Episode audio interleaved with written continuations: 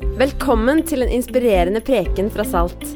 På salt.co kan du lese om når og hvor vi møtes til gudstjenester i Bergen, Trondheim og Skien, og hvordan du kan koble deg på kirka. Vi vil også invitere deg til Salt-konferansen 21. til 23. september i Bergen.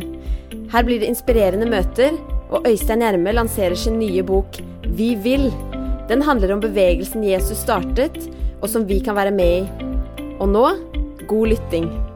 Vi er inne i en serie som vi har kalt eh, 'Kirken vi ser'. Fordi at eh, Når vi sier kirke i Norge, så forstår vi at det folk tenker på, det er hvite bygninger eller forsamlingshus. Eh, og I forrige uke så slo vi fast det at tenk visst det var Jesus som sto fram på kirketrappen i de ulike kirkene, og det var han folk så først. For hos Jesus der er det rom for de folkene som livet har gått i stykker for. Det er rom for de folkene som har mistet håp og perspektiv i livet. Det er rom for de som føler seg utenfor eller mislykka. Hos Jesus er det rom for alle. Men hvis du spør Ola og Kari hva de tenker når de ser på en hvit kirkebygning eller et forsamlingsbygg, så er det dessverre ikke det folk svarer. De tenker at 'jeg er ikke god nok, jeg får ikke det til', der inne er det bare de som er prektige nok. Og det der er en kommunikasjonsutfordring som vi har sagt det ønsker vi å stå i og gjøre noen ting med. Forrige uke så svarte vi på spørsmålet 'Hva gjør vi i kirken?' Og da er Svaret på det spørsmålet det er så enkelt som dette. Vi ønsker å lede mennesker til et nytt og bedre liv i etterfølgelse av Jesus. Det er det vi gjør, og ikke stort mer enn det. Det er det vi gjør. I dag skal vi søke å finne svar på spørsmålet hvordan gjør vi nettopp det? Det har jo kommet ut utrolig mange sånne bøker for dummies. Eh, så jeg har skrevet en som er Salt eh, for dummies. Den har vi nå eh, skrevet. Eh, og det er klart at når vi, når vi, skrev den, så tenkte vi nei, dette er jo litt frekt. For vi er jo en snill og, og grei kirke som ikke ønsker å fornærme folkene våre. Så det er ikke fordi vi tenker at vi er dumme, men det å forenkle hva vi gjør, sånn at vi forstår det, kan gjøre rede for det og delta i det, det tror vi er en kjempegevinst. For hvis vi ikke gjør det, så går det så gale som det har gått i enkelte søndagsskoler i Norge. Jeg gjorde en quiz på noen søndagsskolebarn i forhold til hva de kunne om de ti bud. Og Halvor på seks han klarte seg. Du skal ikke ljuge. Men Frida på seks hun sa du skal ikke stjele fra de fattige hvis de ser det. Og det er klart at Når Karoline på syv sier at du skal herde din farmor som kommer til himmelen, så får vi store problemer. Og så er det Kristian på ni år, og dette her er ganske drøyt. altså Du skal ikke begjære din ektefelle eller andre arbeidsfolk. Jeg kunne tenke meg å snakke med den pappaen. ikke sant? Og så Henriette på syv år hun sier du skal bare slå hvis du absolutt må. Og så var det en som, som sa det at eh, Thomas André han sa du skal høre på moren din uansett hva hun sier, og uansett hvilket tonefall hun bruker. Og det er klart at Hvis denne utglidningen fortsetter i landet vårt, så kommer vi til å miste livssynet vårt og troen vår. Derfor så ønsker vi å besvare spørsmålet hvordan gjør vi så dette?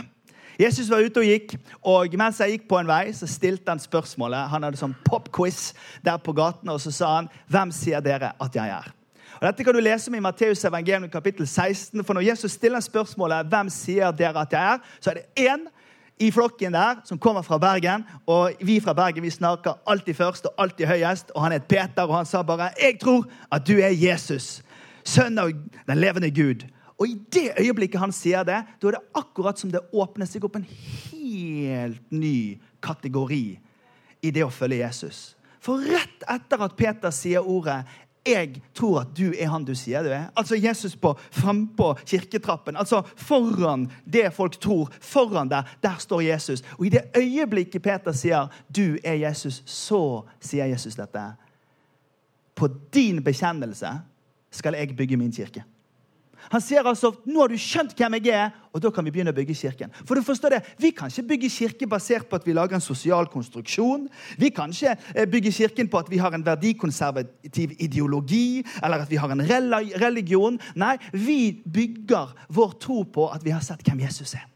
Og Det er derfor vi har satt opp liksom navnet på sjefen sjøl på scenen her. For å si det at det viktigste vi gjør når vi skal bygge kirke i Norge i år 2018, det er det at vi fremhever Han som godkjenner alle mennesker, tar imot alle mennesker, elsker alle mennesker, tar tak i forvirringen til alle mennesker, gir håp til alle mennesker og gir helbredelse til alle mennesker. Det er en gedigen kommunikasjonsutfordring som vi står i, og vi har sagt det at vi ønsker å ta, gjøre det så godt som vi kan. Og så er det sånn da, at det er et begrep som vi bruker av og til, som er, vi må snakke sant om. og Her blir det litt sånn I Bergen kaller vi det for petinetete. altså Litt sånn veldig nøye. Men vi synger i noen sånne barnesanger at vi skal bygge Guds rike. Og saken er den at det står ingen sted i bibelboka at vi skal bygge Guds rike. Men det står at vi skal søke Gud. Og det å søke noe det handler om en ydmykhet i hjertet hvor man sier vet du hva, jeg, jeg ønsker å høre hva du har å melde. Jeg ønsker å følge din veiledning. Jeg ønsker å være med på det som du gjør. Jeg ønsker å la meg korrigere hvis du kommer og melder noe annet enn det jeg trodde. Hvis vi er byggherre sjøl, så er det vi som bestemmer. Men hvis vi søker, så snakker det om holdningene våre. Og Det dere, er det jeg har lyst til å sette søkelys på i løpet av de neste minuttene. Det er det at eh, Hvis vi skal få lov til å se at en levende, livskraftig kirke blir til i vår by og i vårt land, så trenger vi å ha noen holdninger på plass. Og hovedholdningen i dette mennesker er betydningsfulle. Alle er med i det store oppdraget av å få lov til å se Kirken bli det den kan være. For noen år tilbake så leste jeg en bok, en bitte liten bok eh, eh, som, eh, som, har et veldig underlig navn. Den handler om en type som flyttet inn i et nabolag. og Så traff han en litt sånn ekstraordinær type som var postmann. Fred var postmann. Han hadde bart, middels høy, middels stor, middels kledd, middels alt mulig. Helt vanlig. Og Fred han eh, gjorde et en utslettelig inntrykk på han typen som bodde i den gaten. Han har skrevet en liten bok som heter The Fred Factor. Og I Fred Factor så viser eh, han her eh, forfatteren hvordan denne Fred eh, gjør noe så ekstraordinært ut av det helt vanlige. Og Jeg vil at du skal tenke på deg sjøl nå. Jeg vil at du skal tenke på det livet du har, og de fotballkampene du går på, og når du skal på sats og trene, og du skal på studiested og gjøre tingene, og du skal ut og være med venner og sånn. I det helt vanlige. Vi kan gjøre det helt vanlige ekstraordinært når vi setter det i en riktig kontekst. Fire ting derifra. For det første alle kan bety en forskjell. Jeg er overbevist om at alle mennesker kan være med og bety en forskjell for noen andre. Jeg elsker denne enkle setningen i kapittel 1. Det, det, det lyder slik Det er ingen uviktige jobber. Det er bare mennesker som føler seg uviktige i sine jobber. Og Det er en utrolig viktig greie å ta med seg. For Jeg har truffet folk i denne kirken. her. De gjør ting, Jeg vet ikke hva de gjør for noe. Eh, jeg vet hva de heter, fornavnet. Men jeg har sett folk fylle inn tall i sånne skjemaer jeg ikke kan uttale engang. Ikke sant?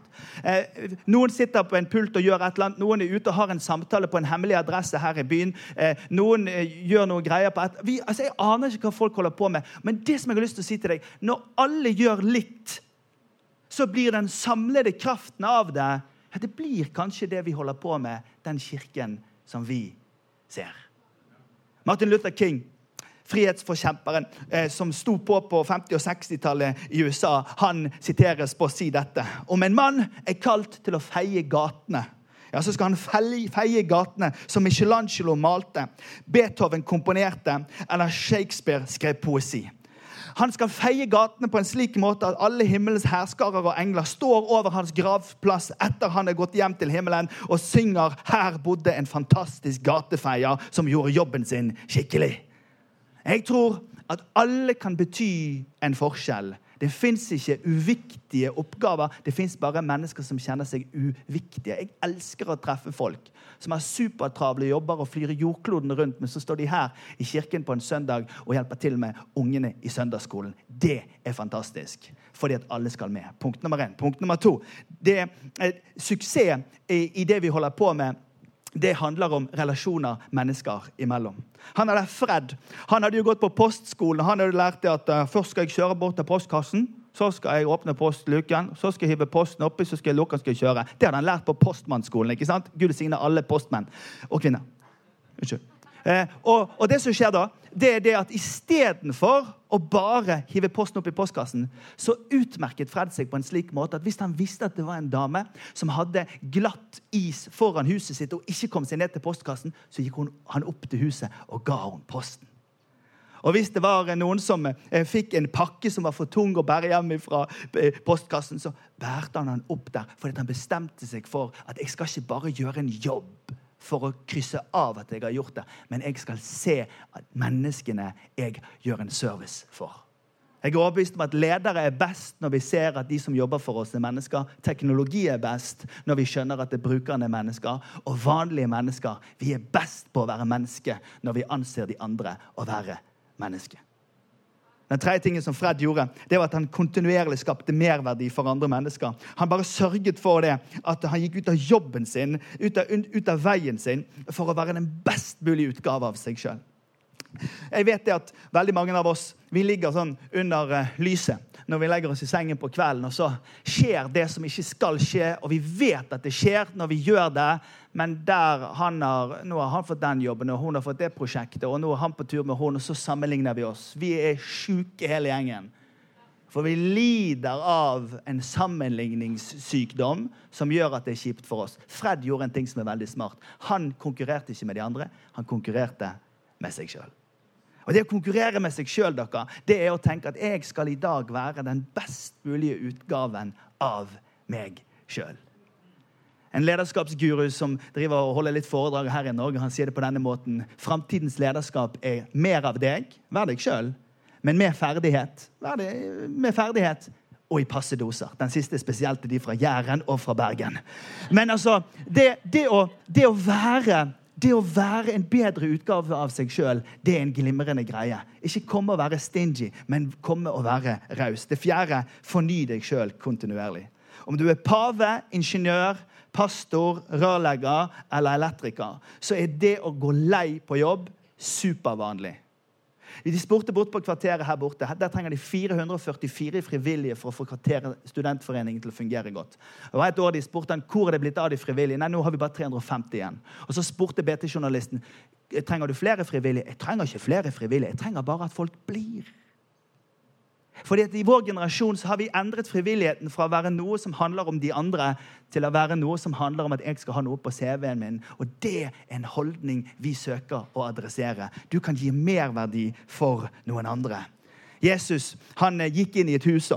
Etter de hadde vasket seg med landet for liten og noen hadde vasket seg med landet for stor, så, så, skulle de vaske føttene sine. Det gjør vi lite hjemme hos oss i Fana, men eh, de gjorde det på den tiden. Og Da fant de noen som var lavest på den sosiale rangstigen. De skulle vaske føttene. Men eh, denne dagen så gjorde Jesus det. Altså Han bøyer seg ned, og det er krig i rommet, men Jesus vasker føttene på disiplene sine. Og så står det at da han hadde vasket føttene og tatt på seg kappen, så tok han plass ved bordet igjen. Og så sa han til dem, forstår dere hva jeg har gjort for dere? Dere kaller meg mester og herre, og det gjør dere med rette, for jeg er det. Og når jeg som Herren og Mesteren har vasket deres føtter, ja, da skylder dere også å vaske hverandres føtter. Jeg har gitt dere et forbilde. Slik jeg har gjort mot dere, skal dere også gjøre. Sannelig, sannelig, jeg sier dere, Tjeneren er ikke større enn Herren sin, og utsendingen er ikke større enn Han som har sendt han. Og nå vet dere dette, og velsignet er dere, så sant dere også gjør dette. Prøv den på en god og en dårlig dag. Elon Musk er forbildet. Den artisten er forbildet. Den industrilederen. Den akademikeren. Den fotballspilleren. Og så står Jesus der, fremst på kirketrappen, og så sier han det at det som er attraktivt, det som gjør at folk kommer, det er ikke at vi har en maktposisjon over dem, men at vi har evnen til å bøye oss ned og tjene dem. Mammaen til to av guttene som var i den innerste klikken rundt Jesus, hun var opptatt av at de skulle få seg en bra posisjon. Hun skjønte at Jesus drev og valgte ut liksom, landbruksministeren og kommunalministeren og, og, utenriksministeren. Og hun sa du, kidsa mine er veldig flittige og flinke. Kan ikke de få, få en bra ministerpost? Så kranglet de om posisjonene. Og så sa Jesus dette. Men slik skal det ikke være blant dere. Den som vil bli stor blant dere, skal være tjeneren deres. Og den som vil være først blant dere, skal, og jeg vet det er sterke ord, men det står i boka, så jeg må si det, skal være slaven deres. Slik heller ikke menneskesønnen er kommet for å la seg tjene, men for selv å tjene og gi sitt liv som løsepenge for mange. I dag stiller vi et spørsmål, og det er dette. Hvordan gjør vi det? Her er svaret. Holdningene som vi har i oss, leder til de handlingene som besvarer spørsmålet. Hvis vi kommer inn i det å være en kristen kirke i vår tid med en holdning av at ja, men Jesus er forbildet vårt, vi ønsker å tjene andre. Nå vet jeg at det er folk her som tenker jeg er på besøk i denne kirken. hva han snakker om? Og så er det folk her som tenker at det, det der greiene der, det har jeg vært med på før, og jeg ble nesten utslitt av det.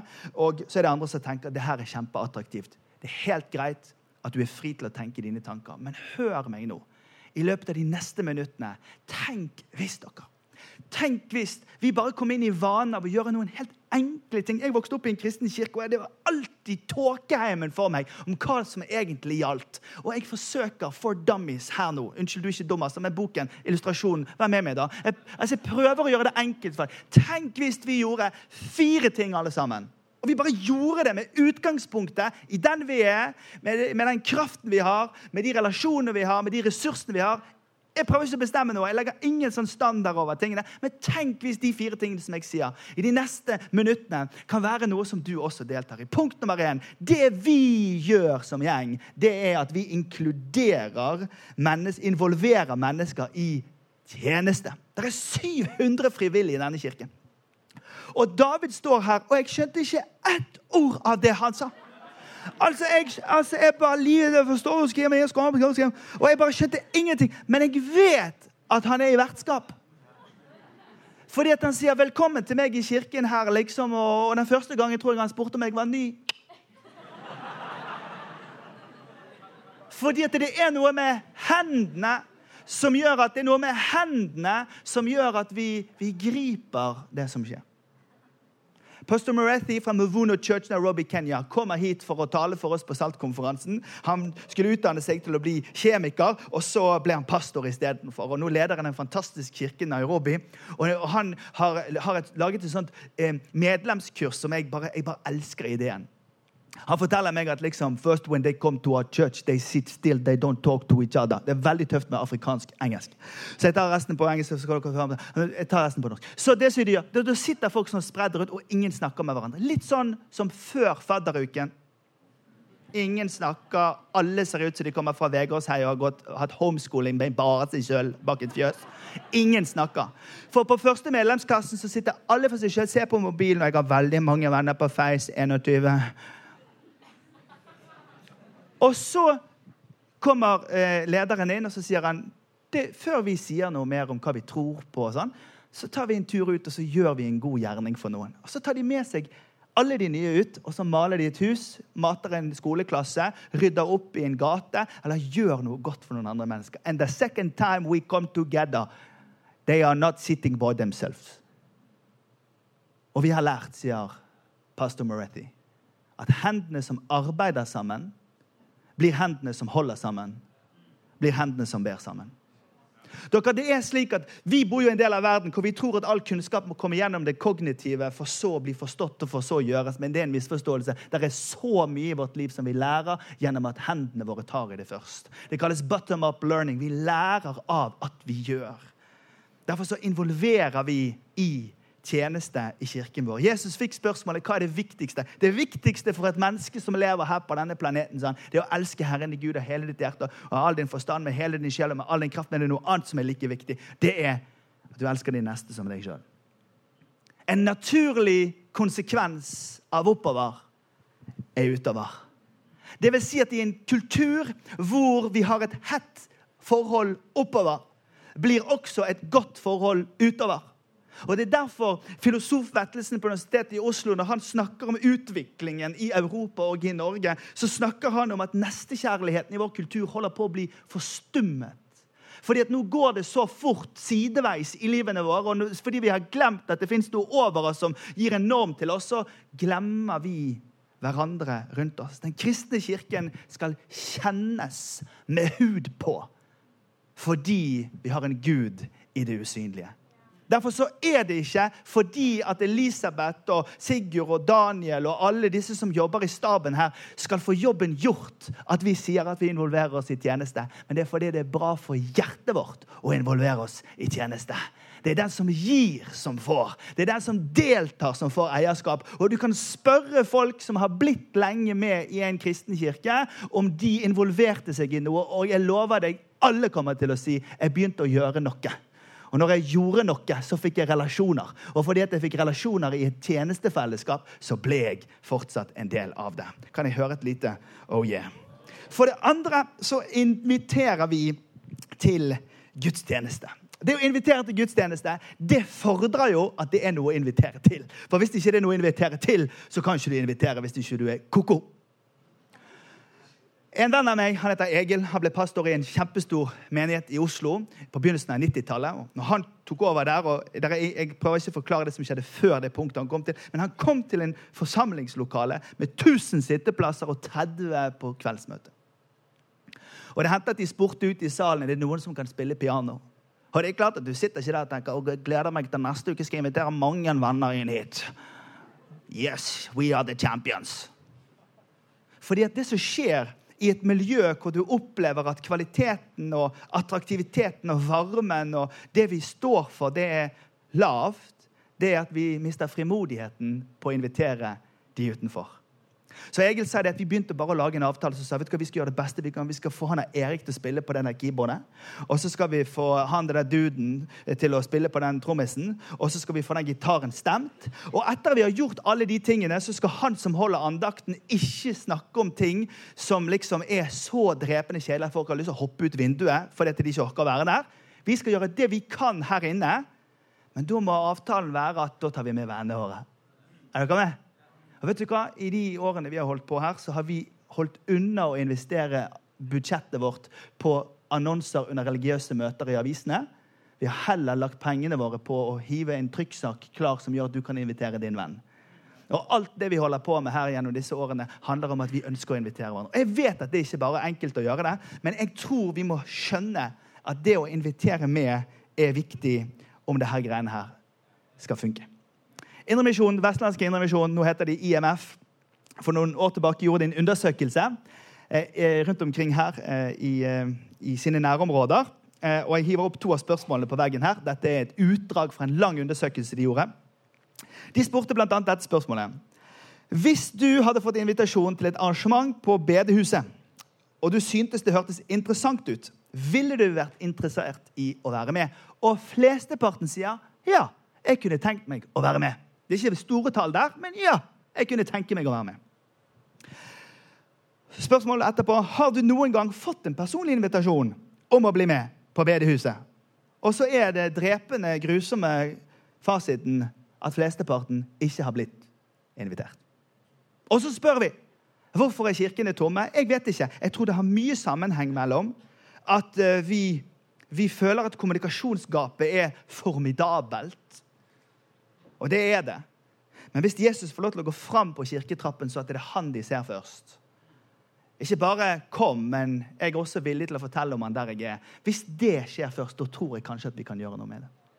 Jeg har med meg bildet av eh, van Gogh. Han tegnet dette bildet av denne kirken eh, noen eh, uker før han døde. Kjent nederlandsk, eh, hollandsk maler. og eh, Slet med depresjon og var nedstemt. og I, i den filmen som heter 'Han som elsket livet', så, så filmer de han kjente kunstneren når han er inne i denne kirken. og jeg, jeg, Det slipper meg ikke at når han skal male kirken, maler han den fra den vinkelen hvor det er ingen dør. Og så maler han den med et svakt lys inni. Og For meg så står det som en sånn påminnelse om at det er nå vi lever. Og det er nå vi må synge så vi tror det at vi skal gjøre døren høy og porten vid. Det er nå vi trenger å gå ut på kirketrappen med Jesus og si at ja, selv om du tenker mye om forventningene som skjer bak døren her, så er han som sier 'velkommen hjem', han er viktigst å fokusere på. Og hos han er alle velkommen. Og jeg Jeg håper at eh, når folk ser den lokale kristne kirken som du er en del av, eller denne kirken som vi er en del av sammen her, at vi skal kunne ha en åpen dør til de folkene som er rundt oss. Det tredje det er at vi ønsker å investere i givertjeneste. Jeg syns Elisabeth er kjempeflink å snakke om dette.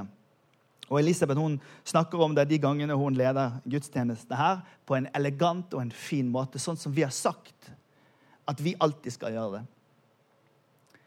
Fordi at Uten ressurser så stopper også Den kristne kirken. Et verv som jeg får lov til å ha i tillegg til at jeg er pastor her, det er at jeg får lede en organisasjon som skal starte 400 nye kirker i Norge før år 2025. Og Det er ulike bevegelser og kirkesamfunn i Norge som har gått sammen om det tallet. så det er ikke jeg som har sagt plant så mange kirker, men jeg får lov til å ha litt innflytelse på hva vi snakker om til de som skal starte de. Og En av de tingene vi snakker om, det er vi er nødt til å lære flokkene opp til å ta et ansvar for å starte kirken. Jeg har lyst til å bare minne dere på at de aller fleste som står på enormt mye i vår eh, kirke, de gjør det på frivillig basis. Veldig mange av pastorene våre har andre jobber, og så har de en liten prosentstilling eller ingenting, fordi at vi gjør alt vi kan med de kronene som vi har. Og det er fantastisk. Men vi trenger, for å kunne leie dette bygget og for å betale de der avgiftene og få orden på datagreiene og på instrumentene, og ting og tang, så trengs det noen penger. Og vi har aldri stått foran denne kirken og snakket om at nå er det krise. Men vi har alltid sagt la oss ha et sunt forhold til det å ha en givertjeneste. I Det nye testamentet dere, så står det 275 ganger at vi skal tro. 371 at vi skal be. 714 at vi skal elske. Og 2162 ganger om det å gi og givertjeneste. Og 16 av Jesus sine 39 liknelser handler om økonomi. Og det er som om han bare tramper inn i velferdsstaten. Her hvor sikkerhetsnettet av forsikringer og trygdeløsninger er det som skal bære oss herfra til evigheten. Og så sier han, slipp det. Åpne opp din hånd og vær en som sier, når jeg gir blir jeg ikke fattig, men jeg stoler på en som er over hustakene og passer på meg. Når jeg åpner opp min hånd og gir, så er det fordi at min kirke har en verdi. For at jeg tror at det vi investerer i, er med å gi håp og liv til andre mennesker. Når jeg har en åpen hånds økonomi, så er det ikke jeg som har kontrollen, men det er han som får lov til å ha omsorgen for det. Og vi er superansvarlige, og vi har budsjetter, og vi har sparekontoer, og vi er veldig ordentlige. Men vi ønsker å si til alle som er med her, invester. Åpne opp, og vær en som er med i givertjeneste. På punkt nummer én og to kom det mye sterkere amen enn på den tredje. Men, eh, men, men jeg, vi fortsetter. Den neste tingen dere, som vi gjør, og da er jeg ferdig med min, med min sånn her uh, i-ting her. Og det er at vi ønsker å inkludere folk i småfellesskap. Når jeg var student og, og, og skulle liksom prøve å lære meg litt av dette faget, hvordan gjør vi dette, så, så er nok dette den tingen som stakk seg klarest ut for meg som en mangel i Norge mangel på de små fellesskapene hvor vi ikke bare snakker til hverandre, men hvor vi kan snakke sammen. Og I alle oss har vi lagt trøkket på at ja, vi samles til storsamlingen. og Det er lovlig høy lyd, og det er bra grafikk på veggen, og det er dundrende musikk og stormende jubel. Ja da, Og så sitter vi litt sånn i bussformasjon. Men ved bare å gjøre dette, så blir det problematisk. Fordi at eh, noen ganger så tviler vi, og noen ganger så syns vi at det er rart. Og noen ganger så er vi umotiverte, og noen ganger så er vi syke. Andre ganger så er vi forvirra. Andre ganger så vet vi ikke hvordan vi skal få eh, en løsning på en relasjonell konflikt. Det som er så fantastisk med de så gruppene, det er det at vi kan få lov til å snakke sammen med hverandre. Og vi kan på en måte gi en liten debrief eller respons på det som vi gjør. Ah, vi er en del av en kultur som glatter over og presenterer den bedre uken av, av oss sjøl. Og Ola og Kari står der og ser disse hvite kirkene og disse forsamlingsbyggene og disse bedehusene, og så tenker de der er de prektige som får det til. Men vet du, i vår kirke så har vi bestemt oss for at vi snakker sant om livet. Og så snakker vi sant om Gud. Og vet du, som teolog så, så svrir jeg hjernen min over motsetninger og ting som ikke går opp, og paradokser. Og mens jeg rir på det, så ser jeg at det er jo sånn livet er. Det er jo sånn livet med Gud også er.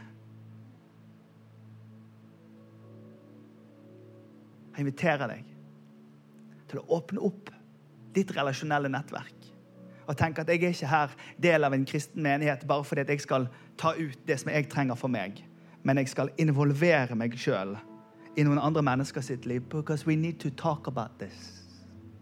Alle får det ikke til. Og vi kan vel være der for hverandre. Hva gjør vi i kirken? Det vi gjør er at Vi ønsker å lede mennesker til et nytt, bedre liv i etterfølgelse av Jesus. Å, det er så provoserende. Nytt. Du trenger et nytt liv hvis ikke du kjenner Jesus. Og det blir bedre fordi at du får retning på det og følger han. Hvordan gjør vi det? Jo, vi gjør det gjennom enkelt å si. Vi inviterer til gudstjeneste. Kom, vær med i et livgivende fellesskap.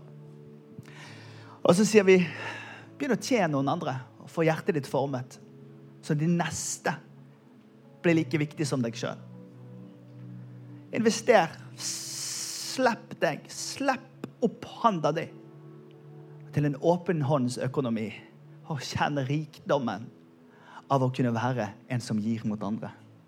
Og så inkluderer du andre mennesker i et relasjonelt nettverk hvor vi snakker sant om livet og sant om Gud. Skal vi reise oss opp, og så skal vi be sammen. Det som skjer nå, i dette rommet. Vi må ha ro i noen minutter til. Det er det at vi tror at Den hellige ånd kan være fjernt for noen når vi sier ordet Hellige ånd, men vi tror at Gud på en metafysisk måte er til stede i et rom sånn som dette. Og det han gjør når han er her, det er at han eh, berører hjertene våre. Så kan vi tenke at det er noe som handler om følelse eller, eller musikken, eller sånn, men vi tror han er her, og at han eh, gjør ting med oss. Og han gjør aldri noe for å fordømme oss, men han gjør ting med å invitere oss. Altså han, han inviterer. Og Jeg vet ikke hvor du er i ditt liv, men i forhold til det som jeg har snakket i løpet av disse minuttene, er dette den høsten hvor du inkluderer? Er dette den høsten hvor du involverer? Er dette den høsten hvor du investerer? Er dette den høsten hvor du bare sier vet du hva? Jeg skal ha med på dette. Jeg skal søke. Jeg skal ha en holdning av å søke inn til han som bygger sin kirke i Bergen. Takk for at du lytter til Salts podkast. Vi vil utfordre deg til å la budskapet bli en del av deg, og la Jesus forme deg slik bare han kan gjøre. Du er så velkommen til å delta i arbeidet vi gjør. På salt.co kan du melde deg på Saltkonferansen. Du kan også bli en fast giver og investere i å nå flere mennesker med budskap om Jesus.